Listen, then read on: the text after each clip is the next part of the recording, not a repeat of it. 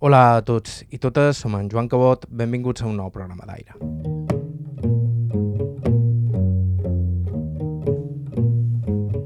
Alfons Sart Sánchez és escultor i artista, però probablement, més que amb la seva obra o exposicions, com ha incidit en el nostre món artístic i cultural, hagi estat a través de la docència, inspirant com a professor a diverses generacions de joves, alguns d'ells encara presents en el món de l'art. Parella de la pintora Mercedes Laguens i membre en els seus inicis del col·lectiu Taller Llunàtic, Sart provenia d'una família ben situada, amb cinc germans, que el va enviar a Barcelona a estudiar dret per complir el destí triat pel seu padrí. Allà, però, va entrar en contacte amb la contracultura i la seva vida va donar un gir total. Des de llavors, s'ha convertit en una figura discreta però pel seu caràcter compromès, alhora combatiu i afable, realment apreciada tant per ets alumnes com per molts dels que l'han tractat en l'àmbit creatiu. Avui escoltarem la seva història. Això és Aire, a IB3 Ràdio, pues parla Joan Cabot, començam.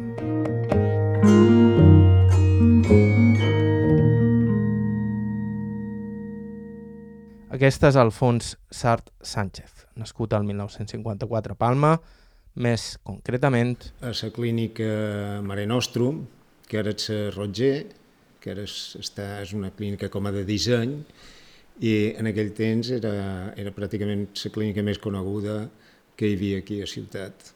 Ma mare era asturiana, la major de 12 fills, son pare era carabiner i sa mare eh, no feia feina, cuidava els nins, paria i cuidava nins i clar, això li va marcar el caràcter perquè era una dona d'empenta, va estudiar, en aquell temps era, era com estrany, però tenia el batxillerat fet, i en, li va venir la guerra i llavors se va, posar a fer feina com d'enfermera. I, I va acabar a Barcelona, on va conèixer mon pare, que també era, mon pare era metge, analista, i després de la guerra se'n va anar a Barcelona perquè aquí les anàlisis pràcticament no existien, la seguretat social, evidentment, que no existia, només hi havia la Casa del Socors i l'Hospital Provincial, i la resta eh, no hi havia res, era un aerial. Mon pare, que feia les, les anàlisis d'aquí de, de la comunitat, n'hi havia un altre analista, en tota Mallorca eren dos, i feien les anàlisis de totes les clíniques fins que eh, crec que va ser final dels 50, principi dels 60, que van obrir Son Dureta i llavors sí, ja van crear un equip de metges i, de, i, i ja havia un analista d'anàlisis clínics que ell era, eh, era eh, anatomopatòleg. Era el, el que feia, el que dictaminava si era càncer, càncer maligne o no, i era un personatge molt peculiar. Durant tota la meva adolescència tothom coneixia mon pare perquè tothom havia passat per laboratori i, i a poc a poc això s'ha anat esveint, ja eren només gent major, va dir, ah, sí, ton pare. Però fins als 30, quasi 40 anys, era, era la resposta següent, ah, tu ets, tu ets el fill del metge. I, deien. I clar, les he vistes de tots colors per, per Camp perquè al final va aconseguir muntar el laboratori i la vivenda en el mateix edifici. Llavors se va, fer, va ser una imatge com molt present, eh, tot i que només eh, se volia dedicar a mirar la vida a través del microscopi. Tenc, tenc una infància, una adolescència com estranya, perquè eh, ma mare era la que, com que era infermera, era la que duia la casa, la resta d'infermeres, i per a duia la casa teníem una, una dona que ens eh, feia dinar, però ella constantment des del laboratori entrava i controlava què és el que s'estava fent, com, quan, manejava els diners, Mon pare el que li bastava tenir, pues, a lo millor 10.000 pessetes a la butxaca per saber que tenia diners. I ma mare no, ma mare és la que decidia què és el que fèiem amb, els diners, què comprant, què no comprant, si invertia. Una de les coses que feia era anar als bancs i tenia gent que pues, li, li, li podia gestionar els estalvis que, que anaven fent, perquè era una gent que no, pràcticament no gastava res les despeses eren comprar una casa cada vegada millor i eh, vacances no en van tenir mai. I cotxe no en tenia, barco no en tenia, o sigui, tot aquest tipus de coses per nosaltres era com un luxe. I en canvi jo veia que els meus companys tot tenien una vida, eh, una vida privada més enllà de, la, de, de viure, de, de fer feina per viure.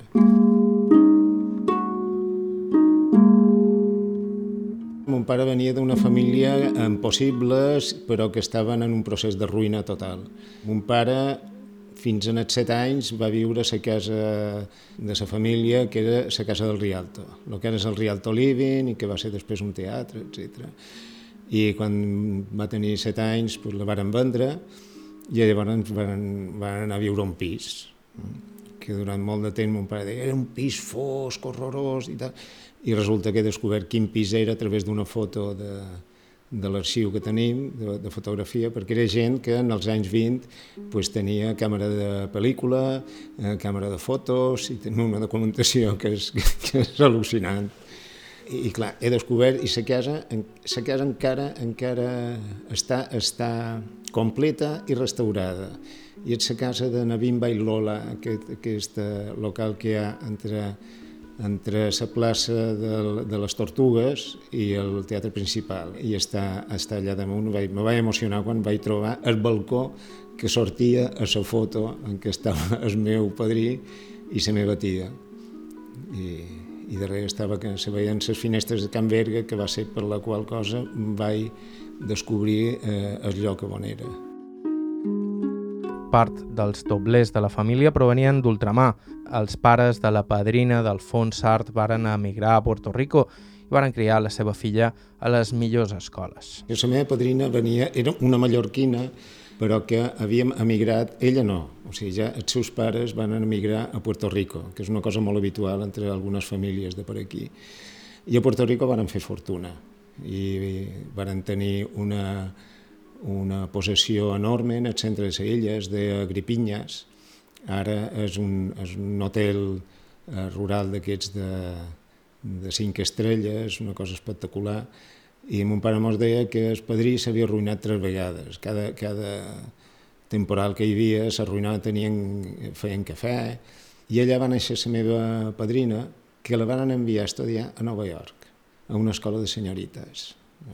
I allà ella tocava el piano, molt bé, pintava, feia ceràmica, llegia molt. Quan va arribar a Mallorca pues, dominava l'anglès i el castellà. Record que quan l'anava a veure ella sempre tenia el Reader's Digest, allà i llegia, li, li enviaven des de, des de Puerto Rico. I era, era una cosa com molt, molt curiosa, perquè no era lo normal. I era gent que tenia una cultura, i quan, quan va venir la meva padrina va donar dos concertos en el, en el círculo mallorquín i, i va tancar el piano. Després, una vegada donat dos concertos, crec que no, no va ser molt feliç a Mallorca. I estava sempre tancada, i era una dona encantadora. I el meu padrí pues, era un home que també, com que van anar perdent les posicions que tenien, pues, era, era un caràcter una miqueta com a melancònic. Nobles no eren, perquè ten, tenim un arxiu que custodia l'Ajuntament de Palma i la família surt del 1700, a través d'un tal Pons, que era un misser, que va tenir relacions, sabeu, amb la Inquisició i aquestes coses que tu ets un missa de la Inquisició i de cop apareixen finques. Qualque cosa tèrbola devia haver en la, en la construcció d'aquest accent social. I a, a meitat, finals dels de nou, a, meitat del de nou van emparentar amb els Orrian, que, és, que era Ryan, que eren irlandesos que varen fugir de les guerres de religió que hi havia a Irlanda del Nord i se van instal·lar a Mallorca i, i, i varen, se van instal·lar en es, a la casa aquesta del Rialto.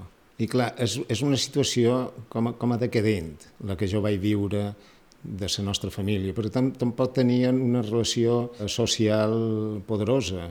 La degueren tenir, la degueren tenir. Mon pare va patir un munt perquè venien de, de Puerto Rico i mos contava una cosa que és, que, és, que és dura per ell, però és simpàtica.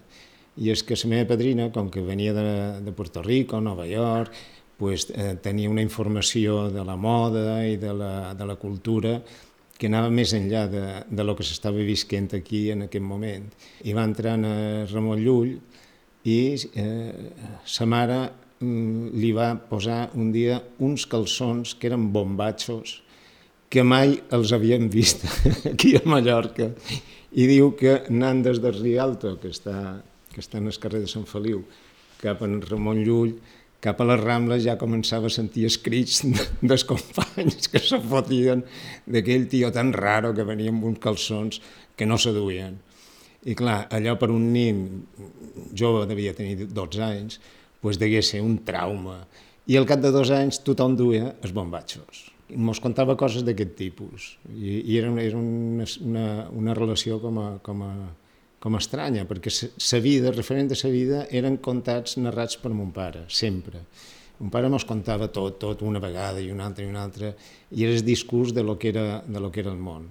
I en canvi ma mare no contava mai res de, de, de la seva infància perquè me consta si el meu padrí era un carabiner i ma mare el va posar en un vaixell perquè fugís quan van entrar els nacionals, no devia ser molt, molt de dretes i el company, jo sé que tenia el, seu germà, el segon que tenia, va acabar eh, per als anys 60, que, era, que era, estava afiliat al sindicat de la UGT i a més que era un activista, però d'això no mos arribava res, mos ha, mos ha arribat a través de, de, de, de cosins que tenim i que mos han contat. Com que nosaltres érem beatos? Ni de cap manera. El tio Pepe és un guerrer i clar, ella se'n cuidava molt de mantenir una discreció amb una, amb una història. Pensa que eh, mon, mare, mon pare se va casar a Barcelona i no era amb una lota de la, de la societat que ells haguessin vol, volgut, una altra societat, encara que vinguda menys, però que tingués un pedigrí, que tingués llinatges. I, i no, no, mare era Anita, Anita, i llinatge com que se perdia Sánchez, i els llinatges de mon pare eren com molt sofisticats i els llinatges de mon mare eren Sánchez, Delgado, Fernández, és a dir, un clàssic.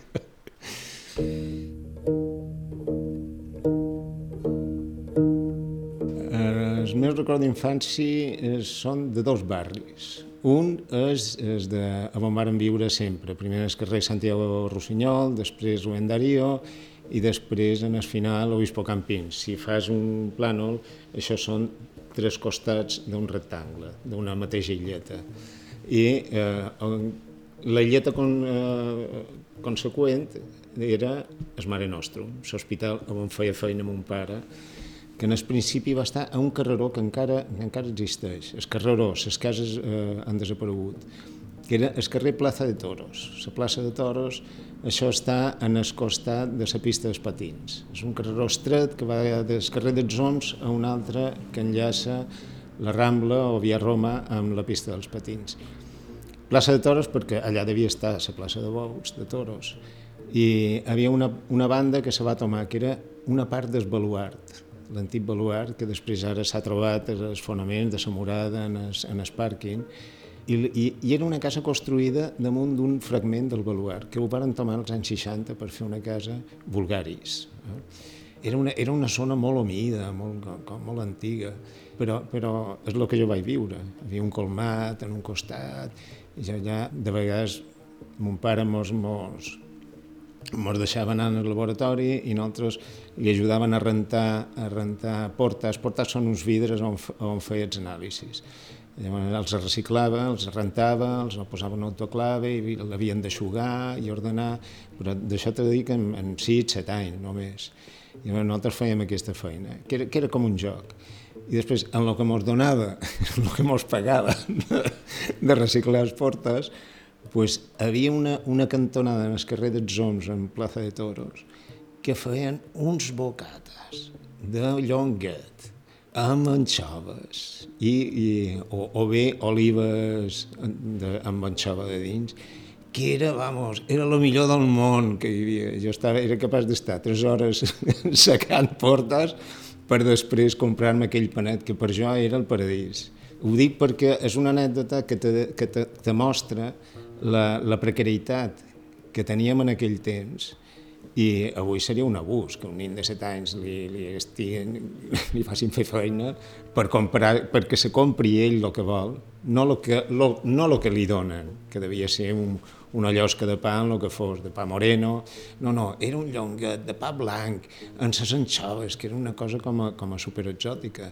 I jo, amb aquella història, era feliç. És una, una de les coses que se m'ha quedat. Després, del laboratori que estava a prop de Can Nostra, doncs vivíem a Can Nostra, i, però no sortíem en el carrer, no mos deixava sortir mon pare, era, el carrer era perill. I en canvi, degut a que mon pare va venir a Mallorca perquè va agafar una tuberculosi i li van dir que, que estava condemnat, que no se curava. I li van fer un préstec, la família de Puerto Rico, i se va comprar el solar a on estem tu i jo ara. Se va comprar aquesta casa perquè li van dir que a Mallorca, això a Catalunya, li van dir, Jaume, a Mallorca, tu que ets mallorquí, a Mallorca hi ha un puesto en què la gent se cura. I era Son Rapinya.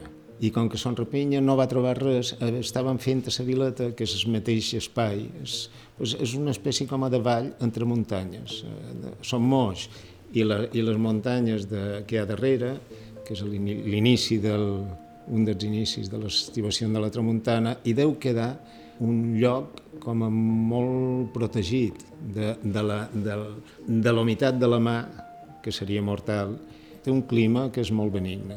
D'aquí. I la boca li van dir això, va venir, se va comprar això, i aquí se va curar. Quan a Catalunya, després d'estar sis mesos hospitalitzat, en fi, que se li va acabar els diners, i quan se li van acabar els diners, li van dir, és quan li van dir, no tens cura i per això estem aquí, per això som mallorquins, perquè va, va retornar. I aquí sí que podríem sortir, no perquè mos deixassin, sinó perquè, com que eren casetes d'aquestes molineres petites, pues, a l'hora de, de fer soreta, obríem les persianes, botàvem, sortíem al carrer a jugar en sos nins del costat, i que és que els carrers no estaven asfaltats, jugàvem a bolls, bolls són caniques, no? i allà fer, fer un tistapis llarguis, i, i, i jugàvem a futbol, mos ficàvem per solars abandonats, o sigui, la vileta era una cosa emocionant, era increïble.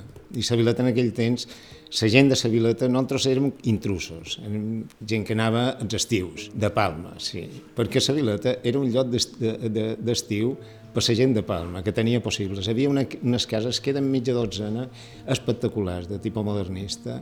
Hi havia una, una població que era d'aquí, i passava tot l'any aquí, que hi havia dos, dos, dos autobusos que passaven cada hora i mitja. Un era privat, que era el Cocodrilo, i l'altre era la camiona, que, que era el municipal. Però bueno, anar, anar a Palma són 3 quilòmetres i el dia que no havies perdut el bus baixaves caminant i tardaves el mateix. I era, era, era, un, era un lloc en què la gent que vivia aquí la considerava una, un poble diferent de Palma mos miraven així, en, o sigui, com si mos perdonessin la vida. I aquests que fan aquí, que arriben ara i mos, i, i mos agafen els carrers, hi havia una certa competitivitat entre els que vivíem i els que hi, hi arribaven. I jo aquí a Savileta sí que dos, dos mesos cada any pues, era molt feliç, molt feliç, perquè podia fer el que jo realment podia.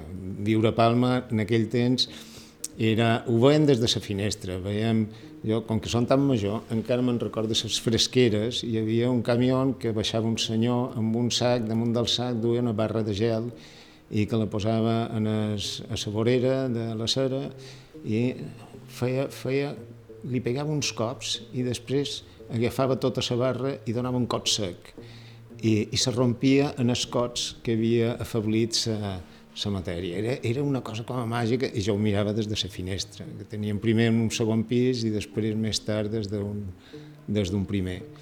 I, i, I veia passar la vida, però no hi podia participar massa. Aquesta reclusió tenia molt a veure amb els tics del seu propi pare, algú que va dedicar la seva vida a la seva feina i que veia el món a través del microscopi. Com que volia ser un científic, deixeble d'en Cajal i del deixeble d'en Cajal, que era en Roca de Vinyals, pues, eh, ell cercava un lloc on poder fer medicina, però fer-la, no, no practicar i repetir el que li han ensenyat, sinó eh, fer amb un sentit d'investigació, de millora, de, sempre d'una espècie d'autoaprenentatge i de posar en, en, en qüestió el que s'està veient i participar de, de les de les investigacions que se feien, etc. Això, aquesta mirada vos la va inculcar d'alguna manera? Intentaven no ser com ell, perquè intent... enteníem que més enllà de les finestres hi havia una vida. No sortia gent ni mi, que tenia dos amics, o no crec que més, sí, dos, dos, un tal Garcés, que tots dos eren metges, i l'altre era molt amic de, d'en Lluís Juncosa, el digestòleg. El germà d'en Pilar Juncosa, casada amb en Miró. L'amistat d'en Juncosa va ser que amb la guerra, que en Juncosa havia, estava primer o segon de carrera, i mon pare que li quedaven quatre signatures per acabar la carrera. I els van enviar a Menorca perquè mon pare va participar amb el desembarco, però des del punt de vista dels nacionals, del desembarco de, de Manacor, del Ballo, del, del capitán Ballo, i eh, ell estava, no sé, devia estar en una, un regiment d'aquí, i els van enviar a Son Cervera. I, i mos contava que ell l'únic que feia era agafar una, una escopeta i córrer, córrer, córrer, córrer. Diu, jo no vaig disparar, però, però sentia les bales com, com me pegaven eh, pues, per prop de les cames. I d'aquí, com que ell ja tenia una certa, un cert coneixement de, de medicina, li faltaven, li faltaven quatre assignatures per tenir el títol. El van enviar a Maó a, tra a treballar a l'hospital que hi havia allà a Maó, i a més en el quiròfan. I va fer, però sense, sense res, va ser una immersió absoluta. Sé que va fer d'anestesista. No va arribar a operar, però sí feia anestèsia i després eh, cures, etc. I allà va arribar en Lluís Juncosanen, que havia iniciat els estudis i, i mon pare el va com a tutelar i un poc que revisava el que feia i van, van fer una amistat molt forta i l'únic tema que no se tocava era el tema de política. Un pare, quan se va acabar la guerra, se va decebre de tot el que havien fet els nacionals i va, va veure que era, que era com deia ell, una merienda de negros, perquè se repartien les places de metges, però no en funció dels mèrits, sinó en funció de les, dels coneixements dels amics, de... i se va recluir en ell mateix. I deia, de portes endins, jo soy el rei d'esta casa. I dins aquesta casa jo, jo som el que, el que decideix. I fora, doncs fora no decidia. I clar, per nosaltres això era, era molt fotut, perquè a lo millor vam fer quatre sortides en, eh, d'una excursió, perquè al final se va treure el carnet i, i, i va llogar un cotxe tres cap de setmana, que vam estar a punt de matar-nos un parell de vegades, perquè ficava tots els fills en un cotxe un poc gran, i una vegada ma mare va pegar un crit, Jaume, Jaime, Jaime, i que, que s'estava sortint de la carretera. I, i va decidir no, no tenir cotxe, no conduir, però va mantenir el carnet fins que va tenir 70 anys. I era una persona molt normativa, i era una persona molt honesta, en la feina que feia era superhonest. Una de les coses que ens va contar un parell de vegades és que quan ell va arribar de, de Barcelona i va muntar un laboratori amb un farmacèutic, el farmacèutic Salvà, pues resulta que els metges de, de, ses, de, ses, de les anàlisis que t'enviaven a que fessis sempre cobraven una part, se quedaven un pico. I, i ell se va negar va dir, no, no, jo faig una feina, és una feina que és objectiva i, i, i la faig bé. Diu, si us agrada, doncs m'apagueu el que me correspon. I si no us agrada, pues, llavors no m'envieu res. I li van dir, Jaume, pues, per mi que no te'n sortiràs en aquesta societat. I va aconseguir eliminar aquestes comissions que, que se donaven perquè enviaven els metges en funció de la comissió que, que li donaven, i això no era ètic des del punt de vista mèdic. I en, en, aquesta, en aquest nivell de vida era, en el final jo he fet el mateix. He seguit aquesta manera d'estar en el món, que si veus una cosa que trobes que és injusta, tal, doncs no m'he callat mai. I, i això després tant en, en la vida artística com a, després he estat profe d'un institut i sempre, sempre dit el que pensava art, art a casa nostra eh, n'hi havia, però no, era, no, era, no mos despertava cap tipus d'emoció de, ni d'interès. O sigui, tant a Sant Jordà, que era la finca que tenien, que estava ple de quadros negres, que resulta que tot eren sants, i les bases eren molt, molt bones. I els quadros, en els de set, pues, se feien quadros de, de, de taller, i, i se repetien, eren mateix, en petites i, i clar, allò estava allà, però mos, mos acompanyava. O sigui, l'art formava part d'un entorn. Però jo era una persona molt sensible i a més la gent li donava importància, m'ho comentava. I sé que de, de, de petit varen participar en un concurs de fotografia i ens donaren un carret de, de fotografia en blanc i negre i feren una excursió, crec que era de l'última hora. I llavors eh, el concurs el va guanyar el meu germà. El germà major va fer una foto de dos adolescents que estaven mirant a l'horitzó i s'estaven besant i tal, i van dir, mira, això és una foto fantàstica perquè sigui el primer premi, i li van donar el premi a ell. I a mi me van donar un premi que varen crear a la millor col·lecció, la, millor, la col·lecció més sensible, la millor col·lecció de, de les 12 fotos que teníem en el carret i com que me va donar, vaig dir, hòstia, no m'ha dut cap premi, no m'ha dut res, el meu germà crec que li van donar una catxa de pintures completa, d'olis, i a mi simplement la, la menció. Eh? A la millor, a la més, no sé exactament com, com se'n van sortir, però era, era un premi que no, que no estava en el, en el concurs però bueno, va ser com un reconeixement i jo sempre estava en aquest punt en què se em reconeixia, havia una espècie de bondat, que després eh, els grecs bondat i bellesa anaven plegades. I, i n'hi ha, ha qualque cosa mm, d'aquests dos conceptes que, que sempre han estat lligats. Però bellesa no en el sentit de que guapo, eh? sinó la bellesa de vegades per mi la bellesa és precisament just, justament tot el contrari. Seria a Barcelona on despertaria de bon de veres el seu interès per l'art, quan el varen enviar allà per estudiar drets. D'això ens en parla d'aquí uns segons, abans però feim una breu pausa. Estau escoltant Aire i Vetres Ràdio, tot d'una tornada.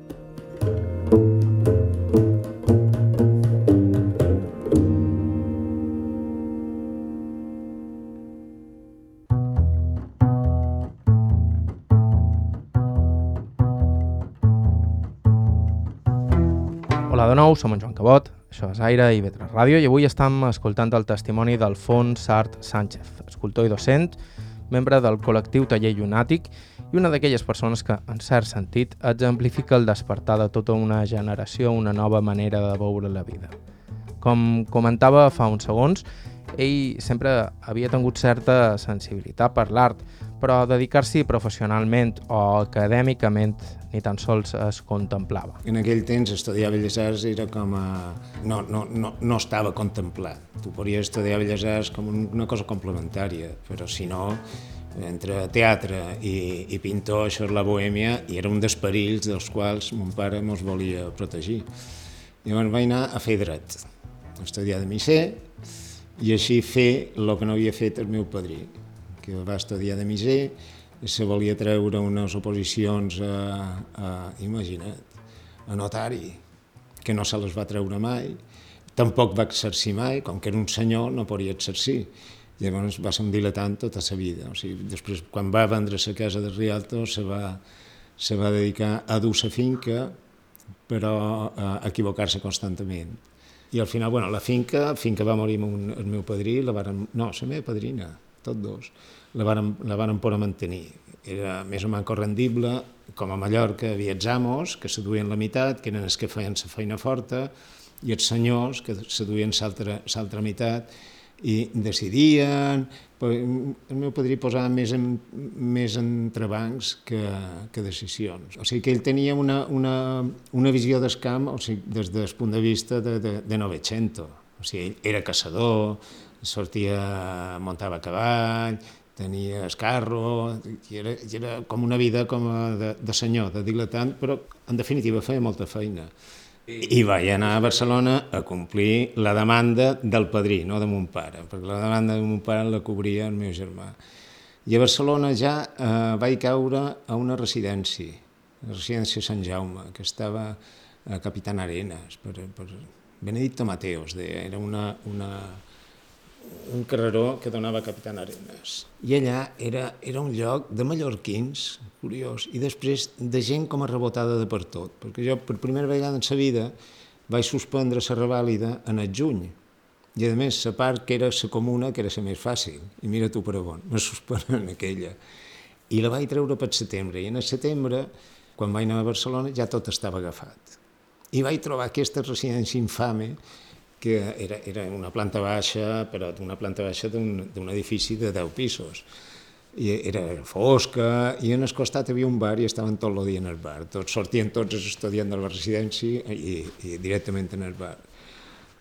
I allà havia un grupet de, de gent que feia belles arts. Hi havia tres tios que eren, que eren tres tios espectaculars que feien belles arts i després hi havia un personatge estranyíssim, portuguès, lector de portuguès a la Universitat de Barcelona, Joaquín Matos Chávez, que se deia, que era homosexual, i sempre estava envoltant en els, en els joves. I amb aquella gent que volia fer belles arts, pues m'hi vaig trobar molt a gust. I xerràvem pues, de filosofia, de novel·la, de cinema, molt de cinema, i allà pues, va ser com una introducció en un món cultural, però de pes, de veres, en majúscules. Pel·lícules, fins i tot me menjava unes pel·lícules que eren insuportables, el terror. Record, aquesta era boníssima, que era El sèptimo sello, d'en Berman, un blanc i negre, una història de, de la mort, i, en aquell temps vaig dir, hòstia, i per, què, i per què li donen tanta importància en aquesta pel·lícula? Perquè era molt senzilla i era, i era un poc fantasiosa, hi havia un personatge que era la mort, i hi havia un, com un joc d'escacs entre l'heroi i la mort, i tal, però vaig trobar que, que lo intel·lectual normalment era com més difícil d'entendre. Era un poc òbvia, no? I aquest, sí, sí, fins i tot me va agradar i estava molt bé, perquè després de veure una pel·lícula tenien com una espècie de, de, de posada en comú i xerràvem, i, o sigui que era una manera de veure cine que era molt educativa. I, clar, i això, una vegada que entres al cap d'un parell d'anys de, de tenir aquesta activitat, és un llenguatge que domines. I llavors, aquest mateix any, pues, eh, a la vegada que estudiava dret i estava amb aquesta gent i anava al cinema i vaig començar a llegir, jo no havia llegit mai un llibre, i de cop vaig començar a llegir, però filosofia, clar, el, el senyor aquest, el Joaquín Matos, pues, un dia se me presenta, devia, devia haver passat dos mesos de l'inici de curs, i se me presenta com l'home rebel i el mite de Sísif d'en Camí. Els dos llibres amb un, és, perquè te'l llegeixis, i allò va ser com a, va ser com una aposta. Vaig dir, hosti, però i això de que me xerra i tal, però els me vaig llegir, després ell me va passar la lliçó, i que has entès i que no, que tal, i vaig començar a llegir. En lloc de llegir novel·les, doncs, me llegia assajos. I, i vaig començar a fer eh, estudis d'assajos, després vaig començar, anàvem a veure exposicions amb aquesta gent, totes de Galeria Gaspar, o sigui, les més modernes de Barcelona, i clar, per entendre el que estava veient, doncs me vaig comprar, que en aquell temps no hi havia edicions, però me vaig comprar llibres en francès que me xerraven de surrealisme, de dadaisme, i jo ho llegia en francès. I va ser com una immersió, i a la vegada vaig anar a una acadèmia a aprendre a dibuixar per fer l'entrada, l'examen d'entrada de Belles Arts. Total, que vaig aprovar tot el curs, amb, amb, amb molt bones notes, dues molt bones, dues normal. I me vaig presentar a l'examen d'entrada i el me van aprovar. I torna a Palma i diu, papà, mira, aquestes són les notes i aquí tenen l'examen d'entrada que m'han aprovat i m'agradaria fer Belles Arts.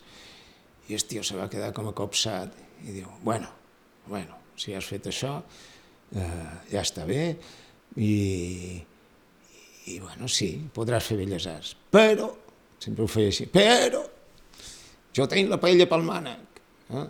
i el que has de fer és estudiar dret i quan tinguis un moment, continuar per Belles Arts. I el primer curs, Belles Arts en aquell temps, el primer se deia preparatori, però era ben igual que tot l'altre. I vaig treure el primer, menys una, que me van suspendre per, per anar a poca classe, i perquè ja començava a ser una miqueta díscolo i havia estat, es, que això t'estic xerrant de l'any 74, i havia estat, o 73, 73, 74, i ja havia estat eh, el delegat de curs del curs de preparatori i m'havia significat. I, i me van suspendre eh, precisament eh, modelatge, lo que, a lo que ara m'hi dedic. I al setembre, quan vaig fer l'examen, pues me van posar un notable i, l'adjunt va dir, però senyor Sart, és que, és clar, si vostè hagués vengut més a classe i, i en lo bé que fa les coses, jo és que no sé per què li han suspès. Dic, bueno, pues, si no ho sap vostè, pues... i ja vaig passar en el, en el segon curs. I el segon curs jo feia el segon curs de Belles Arts i el tercer de dret. I aquí a mi el civil m'agradava perquè eren com a, com a, era com un joc, però me vaig veure internacional, que no tenia llibre de text, i que m'havia de llegir, llegir llibres, i, i, i vaig quedar encallat amb una pàgina, no m'oblidaré mai de la vida, durant tres dies, la mateixa pàgina. I em va arribar, en el final de la pàgina, ja no sabia què, què, què deia al principi. I, I ho va intentar, intentar, i al final vaig dir, pues mira, ja no puc més. I llavors, a tercer vaig aprovar una, amb un excel·lent, que era el civil, que a més era un totxo de, de 400 pàgines, però m'agradava. I l'altre vaig ser incapaç de tirar endavant. I, i vaig tornar amb quatre bones notes de Belles Arts, que vaig dir, mira, papa, aquestes són les nostres de Belles Arts, i tenia dos excel·lents i l'altre notable, bé. I, i aquestes són les de... Són de, de, de, no puc més. No, ho he intentat, t'ho juro, ho he intentat i no puc més. I, I va fer un gest que era típic seu, que era agafava la mà, se la posava en el front. Ai, Déu m'abat! Ai, Déu m'abat! I al cap d'una estona vaig dir, bueno, doncs, veig que, veig que, que ho fas en, en, en responsabilitat i tal, tira endavant en el que vulguis. O sigui, com ha acabat haver de cedir. I, hòstia, vaig quedar com sorprès. Jo m'esperava que, que me, me retornaria directament a Palma, me posaria a fer feina de, de, de despatxar d'una botiga i s'ha acabat la història. I no, no. El tio me va dir que continués i, i sí, me vaig treure el grau de Belles Arts i després això me va servir per donar classes i durant la meitat de la meva vida ser artista i, i, i professor. Eh, clar, aquí comença com una segona etapa de la teva vida, coneixes na Mercedes... A Belles Arts vaig conèixer a Mercedes, eh, tot d'una vàrem estar eh, junts, molt, molt poc temps va, vàrem, vàrem anar a viure plegats, que no li vaig dir als meus pares, evidentment, perquè això era pecat. I vaig conèixer a, a Mercedes i allà llavors sí que vaig conèixer, en els, en els, quan va venir a Mercedes, que era en, en el segon curs, el primer varen entrar en Miquel Barceló, en Pere Joan, bueno, en Pere Joan ja havia entrat abans, però va, va venir en Barceló, en Pere Joan, en Max, ah, i en Toni Socias, que va venir en el nostre curs, i en Menéndez Rojas també, i altra gent dels cursos anteriors. I vaig començar a conèixer una sèrie de mallorquins que me van connectar directament en el que estava passant a la vegada aquí i que del qual nosaltres seríem protagonistes. Perquè en venir aquí també vaig conèixer el germà Terrades, l'Esteve i l'Andreu, i, i una que anava amb ells, que era una Sara Givert.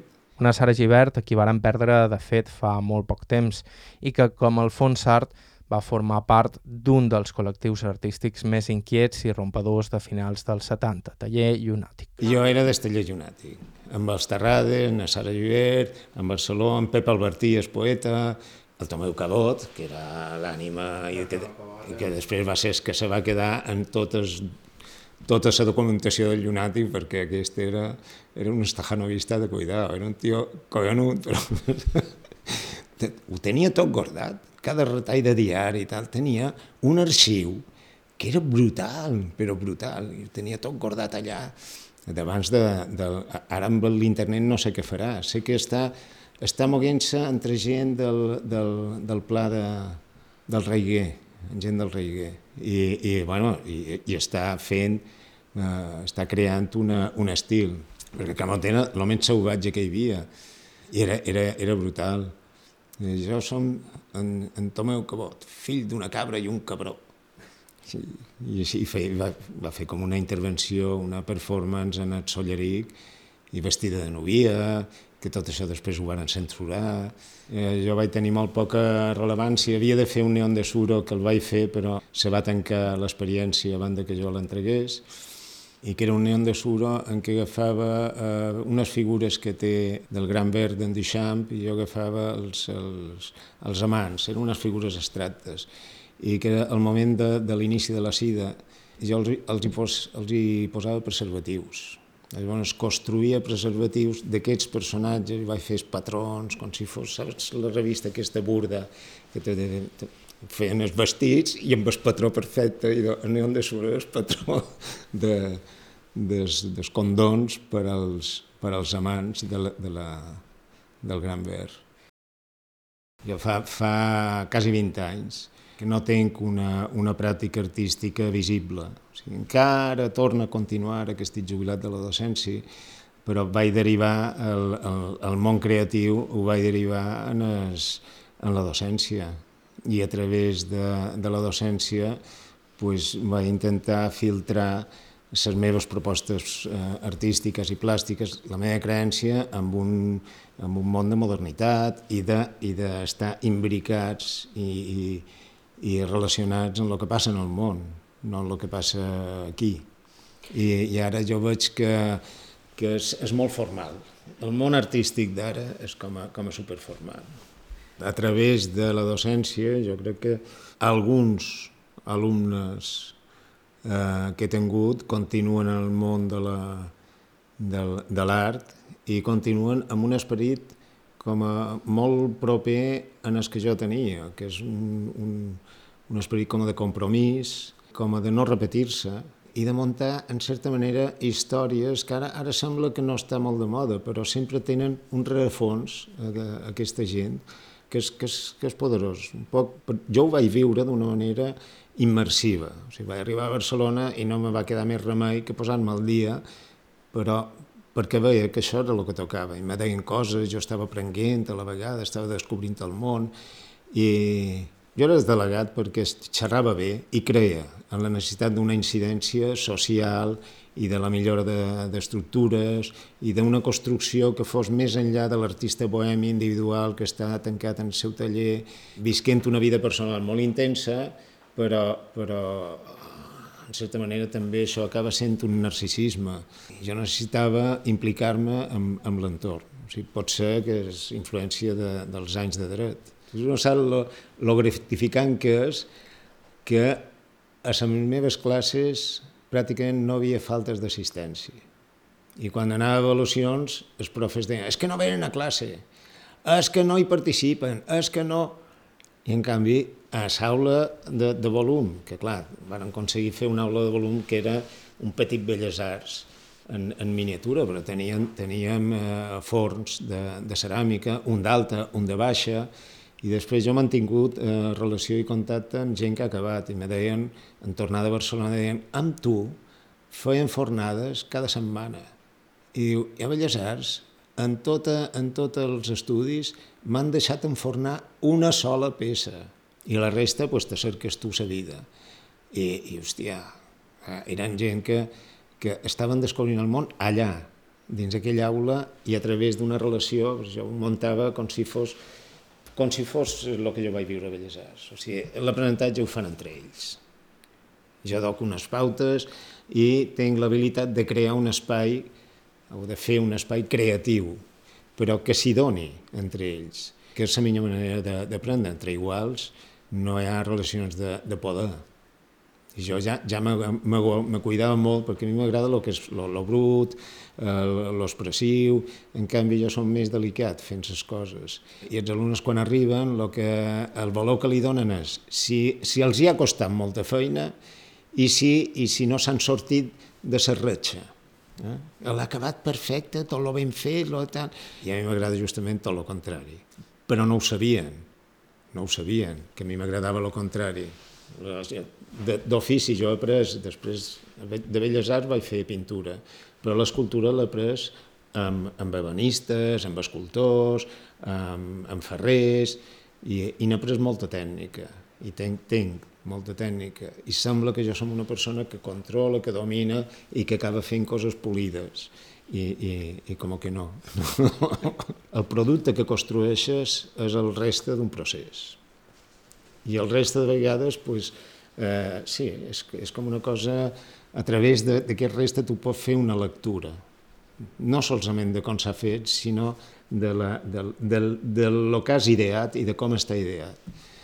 I, i clar, és una història molt distinta, però, però bueno, qualque cosa d'aquestes sí que transmetia cada, cada vegada que estaven allà, i, i a més jo ho veia, que entraven en 16 anys, nins perduts, i, i sortien eh, alguns amb una potència, però que, que, que eren bastant autònoms, que és el que més m'agradava.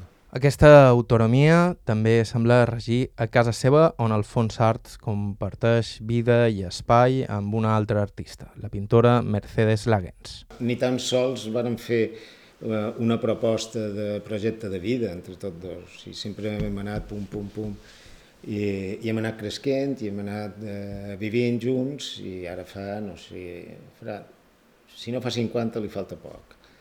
I, però a través de moltes concessions ens en variem moltíssim i de vegades encara ens hi variem per perdalades perquè tenim un ego cada un però hem trobat eh, una, una acceptació. El meu taller és un desastre, és un abocador. Sempre me diu, jo si vols t'ajudaré i t'ho faig, i, i li dic que no, o sigui, de ser jo és que si de casa més jo, ara té necessitat d'ordenar i de tirar, i de, perquè si no, no hi ha manera de fer feina, però ho he de fer jo, perquè eh, jo ho faig d'una manera molt lenta, i llavors vaig revisant coses, què és el que paga la pena, què és el que no, si he de restaurar alguna cosa, i, i en canvi si ve ella que té un, una manera de, de fer com molt lògica i és agafar catses i això no es fent, i això aquí i això allà. I aquesta manera a mi no me va bé. O sigui, jo necessito tenir necessito comunicar-me amb el que he fet. Perquè potser hi ha coses que, que he fet fa 30 anys i que m'agraden molt però que fa 30 anys ho vaig deixar de, de costat perquè encara, segurament perquè jo no ho entenia i ara sí que ho entenc i tampoc vull continuar fent una, vies que jo he anat obrint. O sigui, jo he, he obert en el meu discurs artístic és obrir moltes vies, i però no repetir-les de manera d'una manera constant. En el principi ho feia i ara cada vegada menys. Varen començar tots dos pintant i jo a la tercera exposició que vaig fer vaig veure clar que el meu era lo tridimensional, la mà, la tècnica, el que munta una història i a través de la qual fer, acabar, acabar produint coses i, i vaig acabar fent escultura. En canvi ella va continuar la pintura. Ella la colorines eh, i té un, té un, està dotada per la percepció del color i per la intuïció del color eh, que és fora de lo comú. És, és boníssima i llavors barallar-me jo amb ella no té sentit. I d'una manera natural hem acabat fent coses distintes.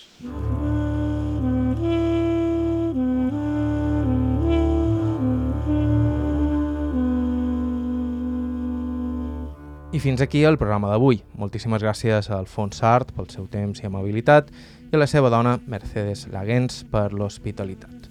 Sempre estem cercant testimonis, així que si teniu alguna proposta o suggeriment ens podeu escriure a aire.ivetresradio.com pues recordant que podeu accedir a tot el nostre arxiu i subscriure al nostre podcast a qualsevol dels agregadors disponibles i a ivetres.org barra carta. La música que feim servir habitualment és de Joshua Abrams, Mary Sanderson amb Jim White, Jaume Tugores, Oren Ambarchi amb Johan Berthlink i Andreas Ferlin i Charles Rumbach. Bàrbara Ferrer a la producció executiva, us ha parlat Joan Cabot. Gràcies per ser a l'altre costat i fins la setmana que ve.